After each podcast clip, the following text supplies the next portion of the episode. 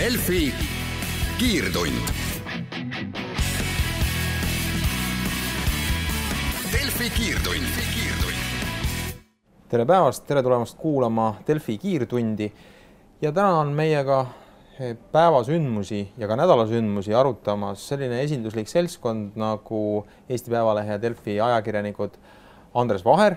Ann-Mari Nergi, Kaaren Kressa ja mina olen Priit Simson. alustame kõigepealt sporditeemast. Norra suusa, suusakuninganna Therese Johaug on oma positiivse dopinguprooviga saanud palju-palju tähelepanu. Ja temasugune suur staar on ju noh, olnud üks sellistest esimestest, kes on Norra äärmiselt säravale suusaloole andnud sellist negatiivsemat tähelepanu. Ja eile tuli ka siis uudis, kui ma õigesti aru saan, et Norra Suusaliit määras Therese Johaugile esialgu kahekuulise võistluskeelu ja tekibki küsimus, et kas see kahekuuline võistluskeeld ongi siis nüüd kõik või mis nüüd edasi saab ja, ja et millest selline, sellise pikkusega karistus just. Nii et Andres, sina kindlasti oskad lähemalt selgitada, et mida see kahekuuline võistluskeeld endast kujutab ja mismoodi see protsess nüüd edasi läheb? jah, et tegemist on siis esialgse võistluskeeluga, mis siis sisuliselt tõlgituna tähendab seda, et et selle keeluga Therese Johaugil siis keelatakse osaleda igasugustel ametlikel võistlustel, treeningutel ja muudel sellistel üritustel, keegi ei saa tal mõistagi keelata koduõues suusatamast, aga aga ametlikel, ametlikel üritustel ta, ta osaleda ei tohi ja ja seejuures on siis oluline, et see on esialgne võistluskeeld, mis siis kehtib sellisena, kuni kuni Norra antidopinguagentuur kuulutab või siis määrab talle mingisuguse uue karistuse või ei määra, noh, seda me ei tea, no praegu seal on uurimine ja selle raporti koostamine käimas. noh, võib olla suhteliselt kindel, et, et mingisugune, mingisugune võistluskeeld, olgu ta siis kaks-kolm või neli aastat sealt tulema peaks, et see on siis praegu puhtalt keeld mis välistab Therese Johaugil näiteks algavas MK-sarjas esialgu osalemise. aga mismoodi see protsess võiks nüüd edasi käia täpsemalt, et, et kui sa nüüd hindad, et missugune võistluskeeld tegelikult võiks olla praegusel hetkel õhus Therese Johaugi jaoks? no puhtalt mustvalgel reeglite järgi anaboolsete steroidide tarvitamine mm, uute antidopingu reeglite järgi, mis kehtivad eelmisest aastast, on neli aastat võistluskeeldu ja, ja põhimõtteliselt punkt, aga ja siin on nagu kak-, mitu aga, millest siis kaks on suuremad. üks on selline, et kui sportlane teeb antidopinguga ja muude uurivate organitega sellist sõbralikku ja tihedat koostööd, tunnistab süüd ja muu selline, siis on see üks soodustav tegur, noh, mida Therese Johaug siiamaani väga teinud ei ole teadaolevalt. ja teine tegur on siis see, et kui sportlane suudab ära tõendada, et et ta tegi seda tahtmatult, noh, seda siin praegu meil spekuleerida, kas tal õnnestub ja kus on siin tõde, on praktiliselt võimatu, nii et need on sellised kaks suuremat, suuremat tegurit, mis siis võivad ja on viinud taolistel juhtumitel võistluskeelu kahele aastale. no aga tegelikult ei ole ju Therese Johaug kaugeltki esimene, kes äh, sportlastest on andnud positiivse proovi ja siis osutab mingisugusele veale, mis ravimite manustamisel tekkis, et ometigi paljud on andnud selliseid selgitusi, aga ei ole nii kergelt neil see läinud. jah, absoluutselt, et juhtumeid, milliseid selgitusi, kui naeruväärsed või absurdsed avalikkusele tunduda võivad, võivad, siis on esitatud tõesti seinast seina ja ka on ka karistusi väga erinevaid, et, et eks see siis sõltub juba konkreetsest juhtumist, karistuse määrajatest, mingitest reeglitest, neid, neid mõjutajaid on,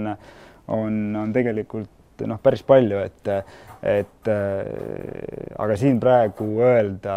noh, ma võin isiklikult öelda, et ka mulle tundub kogu see lugu paras komejant ja, ja, ja aga see nagu kokkuvõttes ei tähenda mitte midagi, et et lõpuks on see osa juriidikast ja, ja, ja osa, osa siis nagu mingis, mingil määral mõistmisest, aga, aga noh, ma, ma ennustan puhtalt kohvipaksu pealt, et Therese Johaug saab kaheaastase võistluskeelu lõpuks. aga kas sulle meenub üldse sellisest dopinguvastase võitluse ajaloost mõni juhtum, kus keegi ütleks, et jah, võtsin küll, tarvitasin näiteks anaboolseid steroide, sest et äh, sa tahtsin võita. Et neid vist äh, enamasti on ikkagi keerulisemad seletada. selliseid puhtsüdamlikke ülestunnistusi no ma väidan, et neid on kindlasti olnud, aga, aga praegu niimoodi, niimoodi, niimoodi ma kohe küll ei ütle, mis või kes või kus või millal, aga, aga noh, kindlasti on taolised asjad karjuvas vähemuses, seda kohe, seda kohe päris kindlasti. ja tihtilugu vist on ka niimoodi, et need, kes lõpuks hakkavad rääkima, kuidas nad seda kõike võtsid ja kuidas nad tahtsid saada paremaks ja kuidas see nii ainult käibki Eh, need eelnevas faasis on siis andnud märksa kunstipärasemaid seletusi, et kuidas see aine nende organismi ikkagi sattus. no on jah, niipidi, seletus võib olla muutunud, kui ka, kui ka seletus võibki olla algusest lõpuni olnud selline ja ja, ja, ja noh, lõpp, lõpuks ikkagi tahaks kogu selles keerulises ja segases karistamise maailmas äh, uskuda, et, et karistatakse siiski teo, mitte, mitte sõnade eest, kuigi nagu ma ka eelnevalt mainisin, üks äh, siis tegureid on see, et kui koostööaldis sa, sa antidopinguga uurimise käigus oled. aga Clostebol on siis anaboolne steroid, mida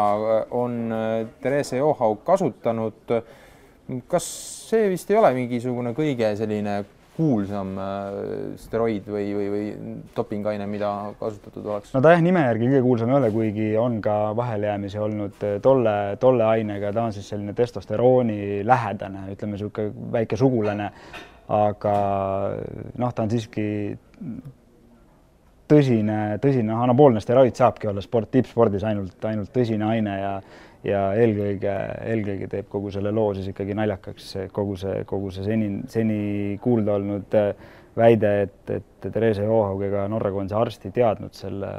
selle aine siis äh, mõjust midagi, et mulle väga meeldis üks Soome ajakirjanike tehtud eksperiment äh, või noh, mis eksperiment, et Soome ajaleht Ilda Sanomat siis tellis sealtsamast Liviniost, kus ta seda endale määris sellest apteegist endale tolle naturaalse originaalpakendi tollest, tollest äh, tuubist, kus on siis äh, väga erinevatel mood, moodidel sisalduvad sõnad doping, anti, äh, keelatud ained, steroid, et, et nad lugesid seal kokku ja need oli vähemalt kümnel juhul, kui oli siis sellised sõnad tarvitatud, et et jutt sellest, et, et too aine, too aine ei ole keelatud, on lihtsalt sellisel tasemel naeru, naeruväärne no selge, suur tänu, Andres Vaher, see oli siis meie väike spordiplokk ja läheme nüüd edasi teemadega, mis puudutavad äh, välispoliitikat, äh, USA sisepoliitikat ja ka sotsiaalvaldkonda. Delfi kiirtund. Delfi kiirtund. ja Delfi kiirtund läheb nüüd edasi meiega on Kaarel Kressa, Ann-Mari, Ann-Mari Nergi ja mina, Priit Simson. Ning äh, võtame kõigepealt ette USA sisepoliitika, ookeanitagused sündmused, nimelt oli kolmas ja järjekorras viimane ametlik presidendi debatt äh, täna öösel USA-s ja äh, seal oli Hillary Clinton ja Donald Trump vastamisi, Hillary Clinton siis demokraatide esindajana ja Donald Trump vabariiklaste kandidaat Kaarel, sina välisuudiste toimetajana ilmselt oled kõige rohkem sellega kursis, et äh, mis need esimesed vastukõjad on ja mis mulje sulle äh, kummagi kandidaadi esitus jättis? no esiteks seda debatti on nimetatud Trumpi viimaseks võimaluseks äh, veel oma seisu parandada. kas see õnnestus, on kahtlane, ehkki selles debatis ta ilmselt jättis kõige presidendi sarnasema mulje siiani. et selle kampaania mõttes oli vastastikust puri loopimist isegi kõige vähem ja kõige rohkem räägiti sellest, mis kandidaate eristab nagu abordipoliitika, immigratsioonipoliitika, relvapoliitika. aga vastukojad noh, sõltuvad ilmselt palju sellest, keda vastukaja toetab, aga ootame ära küsitlused, aga mina küll ei julgeks ennustada, et Trumpil veel mingitki lootust oleks. ilmselt liiga palju on tehtud vigu ja liiga palju on öeldud lauseid, mis noh, võõrandab temast erinevaid võimalikke toetajagruppe, saan ma aru? jah, kui suur roll on nüüd nendel seksiskandaalidel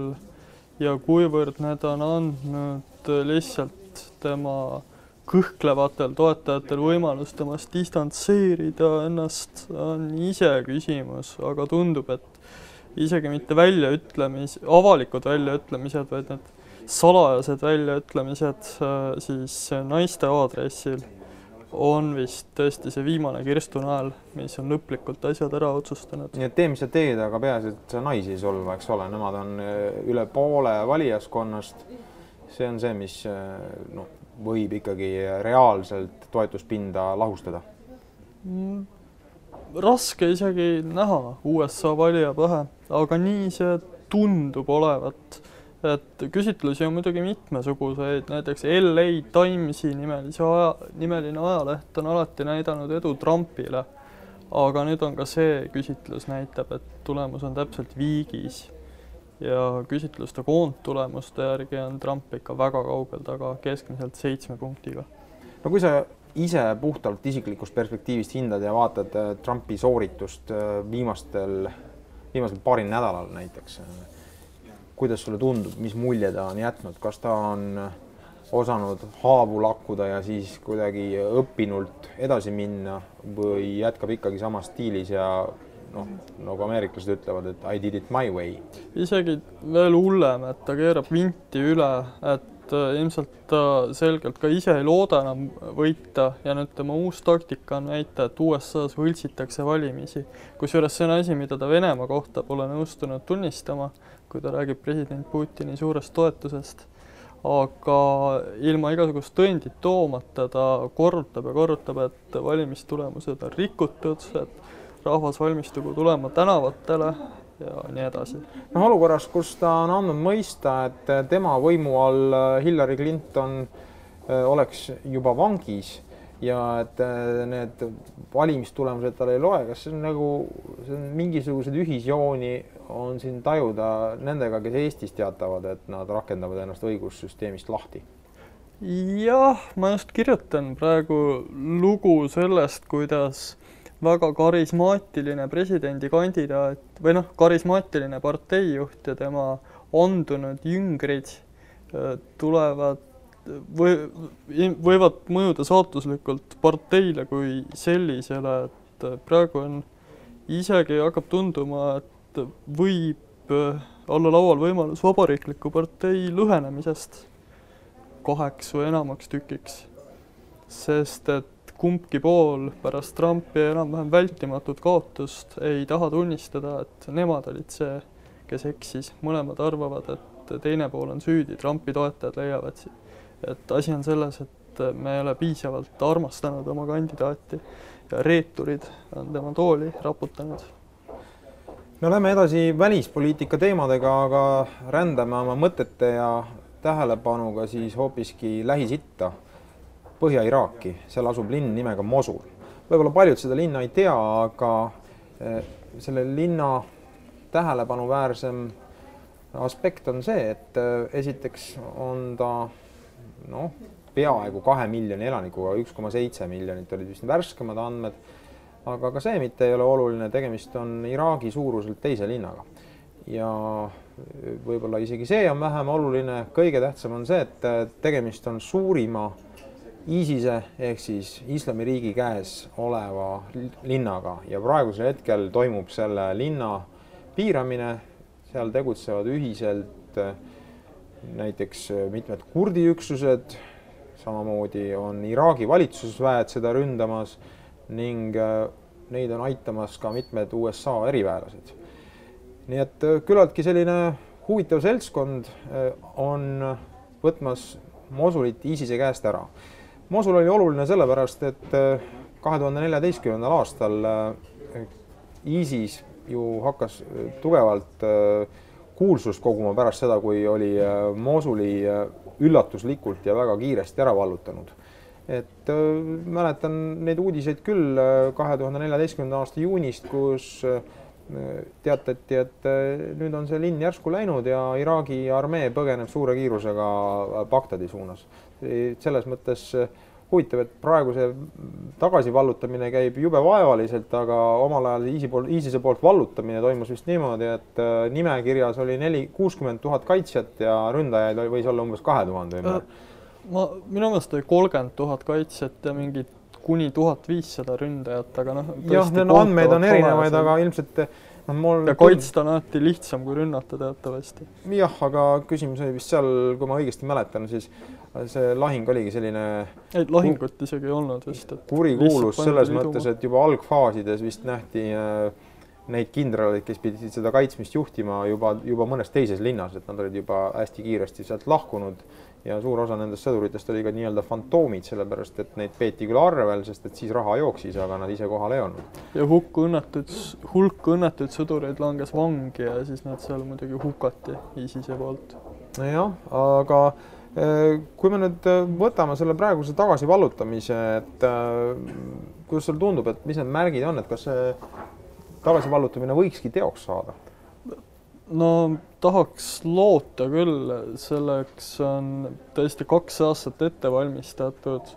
ja oleks väga imelik, kui nad oma tohutu ülekaaluga seda nüüd ära ei vallutaks, et seekord neil on seal midagi vist suurusjärgus nelikümmend viis tuhat meest on ründajatel ja siis ISISel, kes on ennast seal pommide, tunnelite, barrikaadidega kindlustanud, on noh, parasjagu vist mingi hinnanguliselt neli kuni kaheksa tuhat, kes seda täpselt teab. et võitlus tuleb küll väga raske aga kui Iraagi valitsus vähegi endale kindlaks jääb, siis nad selle Mosuli kunagi lähikuudel ära võtavad. no aga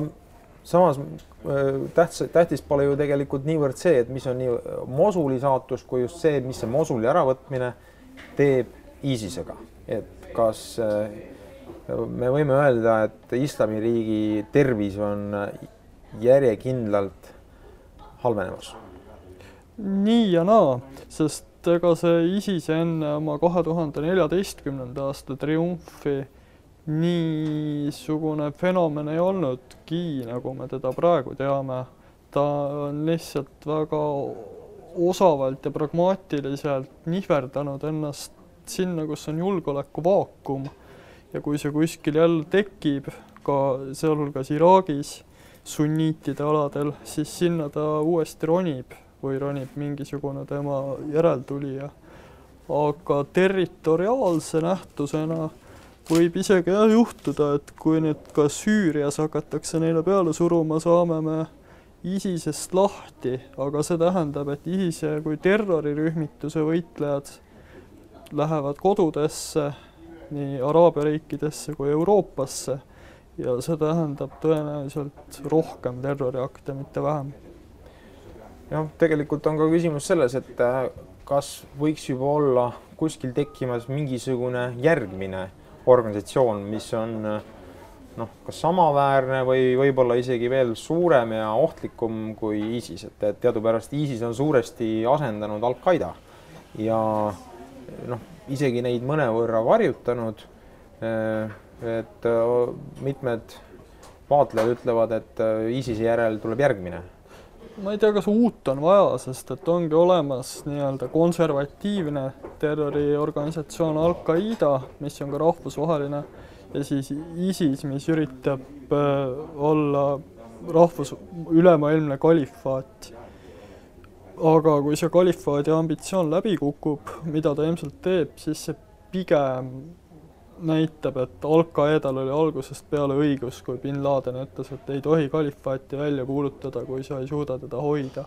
et see teeb kogu ideele ainult kahju. noh, omal ajal tundus, et äh, miski ei suuda nagu ISIS peatada, et see äh, värbamine oli seal väga hoogne ja, ja noh, fanatism äh, tõesti silmatorkav, aga samas, kus äh, on ikkagi olnud järjest äh, kaotusi, siis eh, tundub, et lõpuks alluvad ka ISISe võitlejad, kes on küll väga motiveeritud ja väga ajupestud ikkagi nendele samadele mehhanismidele, mis inimesed üldiselt, et neile ikkagi lõpuks ei meeldi väga surma saada, kuigi seal on kõik neitsid ja muud head maa, maa, maapealses elus tihtipeale defitsiidis olevad asjad hästi saadaval. Nii et võimegi öelda, et noh, ikkagi ühel hetkel väsib ka ISIS, ebaedu raiutab ka neid nii et äh, ei ole miskit äh, noh, midagi immuunsega ei ole tegemist, mis äh, oleks nagu haavamatu kõigi äh, maiste faktorite poolt. jah, ja see ei ole ka nii irratsionaalne jõuk, kui me võib-olla tahaks ette kujutada, et nad kalkuleerivad ikkagi mõistetega nagu raha ja võim ja ka paraku kohalike elanike toetus et kui need asjad neilt ära võtta, siis nad ei ole nii tugevad. jah, võib-olla ka, et äh, kui nii-öelda uusi seksuaalorje ei tule piisavalt palju peale, siis on ka samamoodi äh, noorte võitlejate värbamine jällegi keerukam, eks ole, et see, no see on ka üks neid asju. see on kõik osa mis... sellest laienemisest, et kui sa laiened ja vallutad, sul tuleb tõesti vange, orje, sa saad panku röövida müüa igasugust muud röövsaaki ja siis, kui sa territooriumi kaotad, jääd sa sellest kõigest ilma. Nii, ja need olid meie välisteemad ning Delfi kiirtund läheb edasi sotsiaalsemate valdkondadega. Delfi kiirtund. Delfi kiirtund ja needsamad sotsiaalsed teemad toob meieni Ann-Mari Nergi ja täna rõhutame selle üle, et, et sa oled teinud päris põhjaliku loo äh, hooldekodude ja dementsete inimeste teemal ja seal on mitmed äh, väited, mis äh, noh, võib-olla vajaksid natukene selgitust, et, et näiteks, et hooldekodudesse dementseid inimesi ei taheta. et ma saan aru, et hooldekodu võikski olla just see koht, kuhu see dementne inimene läheb, et võiks ju tavamõistusega eeldada. Aga selgub, et äh, nii lihtne see kaugeltki mitte ei ole. ja et see dementsete just äh, vanurite, tähendab pensioniealiste inimeste probleem on tegelikult Eestis ja terves maailmas olnud juba päris pikka aega üleval. ja see süveneb vananeva ühiskonna tõttu üle, üleüldiselt. Ehm, aga Eestis on tõesti siiamaani ehm, sellest justkui mööda vaadatud, et, et kui hooldekodus on enamasti ikkagi teretulnud sellised ehm, noh, olenevalt hooldekodust, aga kui niimoodi otse öelda, siis ega noh, juurviljad, eks ole, on see, see parim klient arvatavasti, kes kes väga midagi ei nõua. midagi ka eriti ei tee, eks ole. midagi eriti ei tee, lihtsalt on. Ja noh, paljud ka ütlevad välja, et, et ega hooldekodusse tihti tuuaksegi inimesed surema ja järgmised ja noh, tõde on ka see, et järgmised saavad selle koha siis, kui hooldekodus keegi eest ära sureb, eks ole et sealt ju keegi nagu minema ei jaluta tavapäraselt. dementsetega lihtsalt ongi see probleem, et et kuna nemad, nad on segaduses, neil on mäluhäired ja siis see segadus võibki tekitada kas agressiivsust või sellist äraminemissoovi pidevalt, et et kui hooldekodus ei ole spetsiaalseid, ütleme, mingeid turvaaedu või, või, või väravaid, et siis nad kuskil väiksemas kohas võib-olla põgenevadki kuhugi metsa või, või kuskile, kus neid isegi noh, üles ei leita. Ühes Jõhvi hooldekodus oli näiteks juhtum, kus ähm, üks naine, kes, äh, kes sinna toodi väga õnnetus seisus, kes arvati, et üldse ei jõuagi enam käima hakata, hakkas käima ja ei teatud, et tal on dementsus ja ta hüppas aknast alla surnuks ennast. ta oli seitsmekümne ühe aastane või seitsmekümne kolme aastane, et äh, mitte üldse nii vana ja et, ähm, et noh, sellised juhtumid siis süvendavad veelgi sellist olukorda, et hooldekodud ei soovi juurde, ei soovi neid probleeme ja, ja see kõik ongi väga kompleksne probleem, sellepärast et need, kes siis selle koha saavad, dementsete osakonnas koha saavad, neid kohti on omakorda nii vähe, et ka suure raha eest ei õnnestu siis neil seda kohta saada. Aga ma saan aru, et äh, plaanis on ka ehitada äh, selliseid spetsiaalselt dementsetele patsientidele mõeldud hooldekodusid, vähemasti üks Eesti, üks mees Eestis, Vambola Sipelgas, äh, kes on aktsiaseltsi Lõuna-Eesti Hooldekeskuse juht, et mõtiskleb selle üle. et see oli ka üks põhjusi, miks, miks see lugu nagu sul vist päevakorda tuli või kuidas? Noh, see lugu ise tuli ikkagi sellest, et äh, me oma uurimisrühmaga, kus oli kuus ajakirjanikku, siis otsustasime lihtsalt nagu selle teema kasuks ja siis Vambola Sipelgas tegelikult tuli noh, sinna nii-öelda lisaks, et otsimisega. illustreerima seda. jah, ja Sipelgas ei olegi ainult äh, selles mõttes, et ainult mõlgutanud mingeid mõtteid, vaid ta on ikkagi käinud äh, ka erinevates Euroopa riikides vaatamas, kuidas dementsete eest hoolitsetakse ja, ja ta on omandanud päris palju teadmisi ka oma nii-öelda neid tava- ja üldhooldekodusid ülal pidades, kus noh äh,, iga hooldekodu põhimõtteliselt äh, tunnistab, et neil on ka praegu seal dementseid, lihtsalt nad on kõik teistega koos seal on ju. Kellel on see kergem, kergemate sümptomitega, kellel on süvenenud sümptomitega. Aga Vambola Sipelgas ja, et tema tahaks teha siis saja viiekümne kohalise hooldekodu spetsiaalselt dementsetele kus oleks välja õppinud personal ja, ja vastavad ruumid, et noh, näiteks äh, ühes Viljandi hooldus, hooldushaiglas on, et, et seal on selline ruum, mis on nagu ümarate seintega, et seal ei ole nurki, et näiteks dementsetel on tihti see, et kui nad liiguvad ühes suunas ja siis sein tuleb ette, siis nad lähevadki segadusse või paanikasse, et siis nad saavad ringiratast käia. no ma saan aru, et üks asi, mida su loos tuuakse esile, on ka see, et äh, puudub üldse see teadmine ja tegevuskava äh, dementsete inimeste äh, paremaks hooldamiseks, et puudub ka metoodika üldse. just, metoodikat ei ole, kõik, kogu vastutus on tegelikult noh, perekonnaseadusega antud või lükatud siis lähedastele, lastele, lastelastele. Ja kui ja nende puudumisel siis kohalikule omavalitsusele, kellel on niigi noh, nii palju erinevaid probleeme ja nii vähe raha alati iga asja jaoks, et et nemad ei jõua ka selle probleemiga tegeleda ja, ja noh, siis mitmed geriaatrid näiteks ja, ja neuroloogid on juba aastaid ja aastaid rääkinud Sotsiaalministeeriumile, et on vaja sellist äh, mingit standardit, mingit riiklikku standardit, mille järgi siis hoolitseda dementsete eest ja, ja noh, lisaks hooldekodudele ka erinevaid teenuseid, et neid inimesi saaks kodus hoida, aga samas lähedased saaksid päeval ikkagi tööl käia. mis see tähendab, et metoodikat ei ole, et ühesõnaga, kui mul on kodus üks dementne, siis ja ma tahan, et mulle antaks mingisugune juhendmaterjal, kas sellist juhendmaterjali ei ole siis olemas mm,? kui otsida arvatavasti mingitest ajaleheartiklitest võib-olla leiab neid ja, ja noh, muidugi jah, kui sa surfad ja, ja, ja internetis ja otsid sellist infot, siis ikka, ikka leiad. no teised ole. riigid on kindlasti seda tööd juba teinud omajagu. Aga, aga ütleme sellist näiteks riiklikku teenust ongi, et, et sul tuleks äh, koju hooldaja kasvõi paariks tunniks päevas, kasvõi nädalas paariks tunniks, tegelikult sellist asja ei ole mm. aga kas on nagu sellist äh, noh, metoodika, et mis, mis noh, nii-öelda kohe abc, mis ma siis teen juhul, kui ma avastan, et mu lähedane inimene on muutunud dementseks, et sellist lihtsat lehekülge või, või voldikut siis nagu ei ole? vot nüüd sellel ajal, kui me seda teemat, teemat uurisime, siis Äh, just äh, MTÜ Elu dementsusega, kes on siis nii-öelda ise kodanikuaktiivsuse formaadis seda, seda asja ajama hakanud, et nemad äh, just tegid nüüd lehe dementsus.ee, hästi lihtne meelde jätta ka, et et seal on nad kogunud nii palju infot, kui nad, kui nad ise teavad, need asutajad ja, ja, ja ka ütleme, kogemustega inimestelt kokku kogunenud, et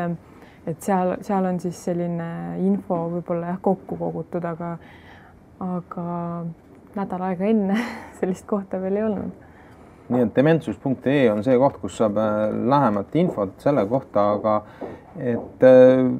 mainisid seda, et äh, perekonnaseadus seab hooldamise kohustuse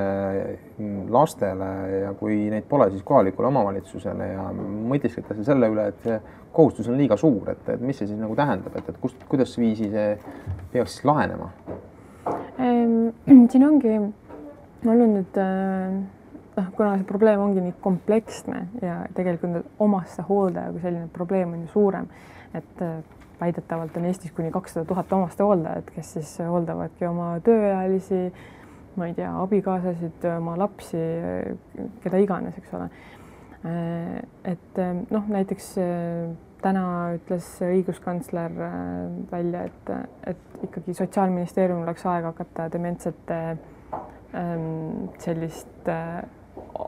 areng, noh, ma ei taha öelda arengukavas, see kõlab jälle nii, aga ütleme, et jah, et dementsetele suunatud teenust välja arendama kui sellist. Ehm, mõne variandina on siin arstid pakkunud ka sellist kindlustust, ehm, noh, mis ongi siis, et, et vanaduses põhimõtteliselt see kindlustus kataks sinu hooldekodukoha, eks ole, noh, see, see nõuaks ka sellist ikkagi mõttemuutust ja, ja poliitilist tahet ka vist, et, et sellist, sellist kindlustusliiki üldse rakendada riigis. ja noh, eks, eks neid lahendusi on, aga, aga lihtsalt selles ongi asi, et nagu ka loos ütleb Helmen Kütt, kes on endine sotsiaalminister, et neid lahendus, nendest lahendustest ei ole räägitud ja kunagi ei ole ka arvutatud tegelikult, mis erinevad lahendused maksaksid. nii et äh, praegusel hetkel, äh, mida sa loodad, mis selle loo tulemusena võiks juhtuda? No tegelikult juba, juba noh, täna oligi väga suur minu meelest edusamm, et, et Ülle Madise on selle nagu teema üles noppinud ja noh, õiguskantsler on ka varasemalt dementsete teemaga tegelenud ja nad, need õiguskantsleri büroo on vist ehm, teinud hooldekodudes ka selliseid äkkvisiite vahepeal, et et vaadata, kuidas siis hooldatavate olukord seal on, aga, aga, aga noh just, et kui nüüd näiteks ongi see õiguskantsler ütleb, et, et äh, sotsiaalminister Tsahkna, palun, et siin on teil ülesanne, eks ole, et äh, et, et äh, just sellist teenust või, või noh, kuskilt tuleb alustada ja mul, ma väga loodan, et, et nende lugudega oleme suutnud taaskord jälle seda tähelepanu tõmmata. ja et see lihtsalt ära ei vaju jälle, soiku ei vaju nii et tähelepanu ongi see, millest ennekõike peaks alustama selle teema puhul, et ka need inimesed, kes äh, selles olukorras on, et nad tegelevad omaste hooldamisega, äh, saaksid aru, et neid ei ole ära unustatud ja abi võib ka teel olla. aga täname kuulamast, see oli Delfi kiirtund, kohtumiseni taas nädala pärast Delfi kiirtund. Delfi kiirtund